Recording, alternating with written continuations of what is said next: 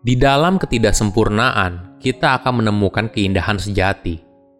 Halo semuanya, nama saya Michael. Selamat datang di channel saya, Sikutu Buku. Kali ini saya akan bahas buku Kintsugi, Embrace Your Imperfection and Find Happiness karya Thomas Navarro. Sebelum kita mulai, buat kalian yang mau support channel ini agar terus berkarya, caranya gampang banget.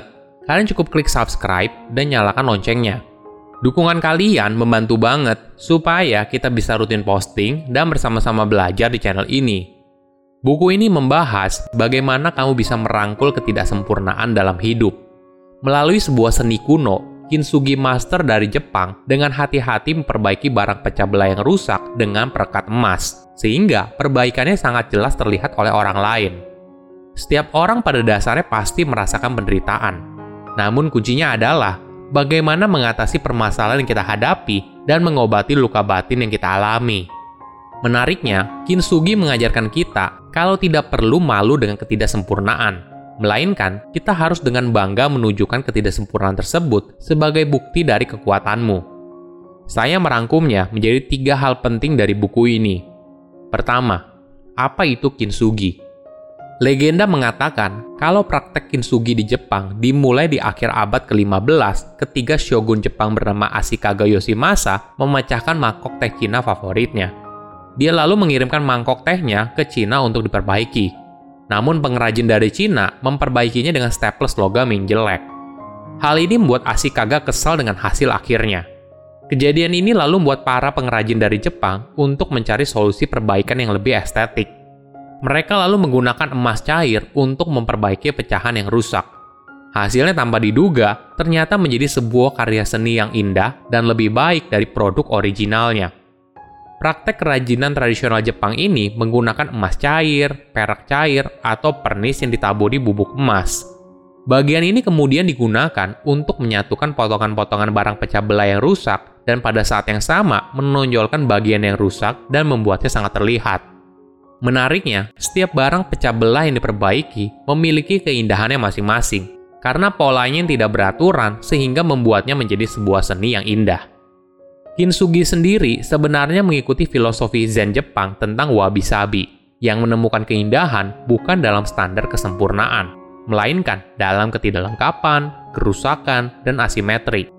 Filosofi yang mendasari kintsugi dan wabi-sabi adalah memahami bahwa pecah bukanlah akhir dari sebuah mangkok keramik, melainkan momen penting dalam sejarahnya, karena bisa dibentuk menjadi mangkok yang lebih indah dari bentuk aslinya. Perlu dipahami kalau dalam hidup pasti ada penderitaan, ada hal yang tidak menyenangkan. Namun kebanyakan orang cenderung menghindarinya atau berusaha menutupinya. Dengan berlatih tentang kintsugi, kita akan mulai berani mengambil resiko kita tidak takut terluka di sepanjang jalan kehidupan, karena hal ini tentu saja tidak dapat dihindari. Seperti halnya sebuah mangkok yang terbuat dari keramik, walaupun kamu memperlakukannya dengan penuh kehati-hatian, tetap saja ada kemungkinan kalau mangkok tersebut bisa pecah dan itu mungkin berada di luar kendali kamu. Sama halnya dengan hidup. Kadang di sepanjang kehidupan, kita kehilangan orang yang kita cintai, jatuh sakit, atau mengalami sebuah kejadian yang penuh dengan trauma. Hal ini tentu saja sulit untuk kita ubah.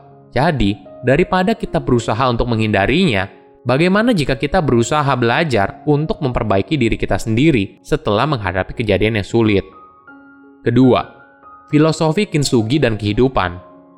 Ketika dihadapkan pada kenyataan hidup, setiap orang punya pilihan. Thomas memberikan sebuah cerita yang menarik. Ada dua orang sedang berjalan di sebuah hutan yang indah. Orang pertama menatap ke bawah dan hanya melihat batu di jalan yang dia jalani. Sedangkan orang kedua melihat ke atas, ke puncak pohon dan langit yang indah. Dua orang tersebut berada di hutan yang sama, berjalan di jalan yang sama, namun mereka berdua merasakan pengalaman yang berbeda.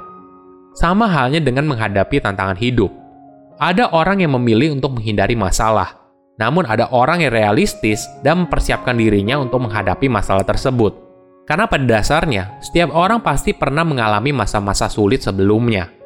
Ketika kita berusaha merangkulnya dan menjadikan hal tersebut sebagai salah satu bagian terindah dalam hidup kita, maka hal ini akan menjadi kekuatan dalam menjalani hidup. Melalui kintsugi, kita akan belajar ketidaksempurnaan harus dirayakan atau ditonjolkan, bukan sesuatu yang harus ditutupi dan memalukan. filosofi yang sama dapat kita terapkan dalam kehidupan. Kita semua tentu saja menginginkan kehidupan yang indah, penuh dengan kebahagiaan, kemakmuran, kesuksesan, dan tentunya kesempurnaan. Namun kenyataannya tidak seindah itu. Segala sesuatu tidak pernah mudah atau sempurna. Hidup itu penuh dengan kesuksesan dan kegagalan. Meski terkadang dalam perjalanannya kita bisa merasa hancur, rusak, dan tidak sempurna. Namun jika kita melihatnya dari perspektif lain, sebenarnya pergumulan dan tantangan seperti itulah yang membuat hidup layak untuk dijalani. Mengikuti filosofi Kintsugi, kita akan belajar bagaimana menangani situasi yang tidak berjalan sesuai keinginan kita kita tidak boleh menyembunyikan atau mencegah pengalaman ini menjadi bagian dari diri kita. Sebaliknya, kita harus merangkul hal tersebut dan membiarkannya membuat kita menjadi pribadi yang lebih kuat. Hidup tidak akan pernah sempurna. Segalanya tidak berjalan sesuai rencana dan waktu kita di dunia ini penuh dengan lika-liku. Apa yang bisa kita lakukan adalah mengontrol bagaimana kita bereaksi terhadap perjuangan dan tantangan kita. Rangkulah ketidaksempurnaannya sadarilah bahwa mereka sama pentingnya dengan yang lainnya. Lagi pula, tanpa rasa pahit, rasa manisnya tidak akan semanis itu. Ketiga, bertanggung jawab atas hidupmu. Dalam menghadapi masalah, kamu harus bisa mengambil alih kontrol atas hidupmu sendiri dan perasaan yang kamu miliki. Hal ini akan membantu kamu saat pemulihan dan membangun kepercayaan atas dirimu sendiri dan kemampuan yang kamu miliki. Nanti akan ada saatnya lagi kamu belajar untuk menjalani hidup yang berbeda, bernafas dengan bebas, dan memilih arah hidup yang kamu inginkan. Itu adalah saat ketika kamu membangun hidupmu kembali. Ada kalanya kamu bisa melakukannya sendiri, namun ada saatnya juga kamu butuh bantuan orang lain. Apa pun yang terjadi, lakukan apa pun yang bisa membuatmu melepas beban yang kamu rasakan sekarang. Nikmati pengalamannya dan teruslah mencari Hidup kamu tidak akan sembuh dengan sendirinya, namun semua tergantung dari apa aksi nyata yang kamu ambil. Thomas menekankan ini semua berakar pada kekuatan emosional. Perbedaan antara orang yang percaya diri dan bahagia dengan orang yang tidak terletak pada kekuatan emosionalnya. Ini adalah kemampuan kita saat menghadapi masalah.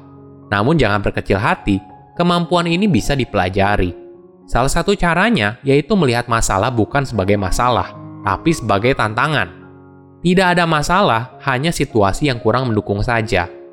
Jika kamu merasa masalah yang kamu hadapi sangat besar dan kamu kewalahan, maka hal ini akan mengurangi kemampuan kamu dalam menghadapinya.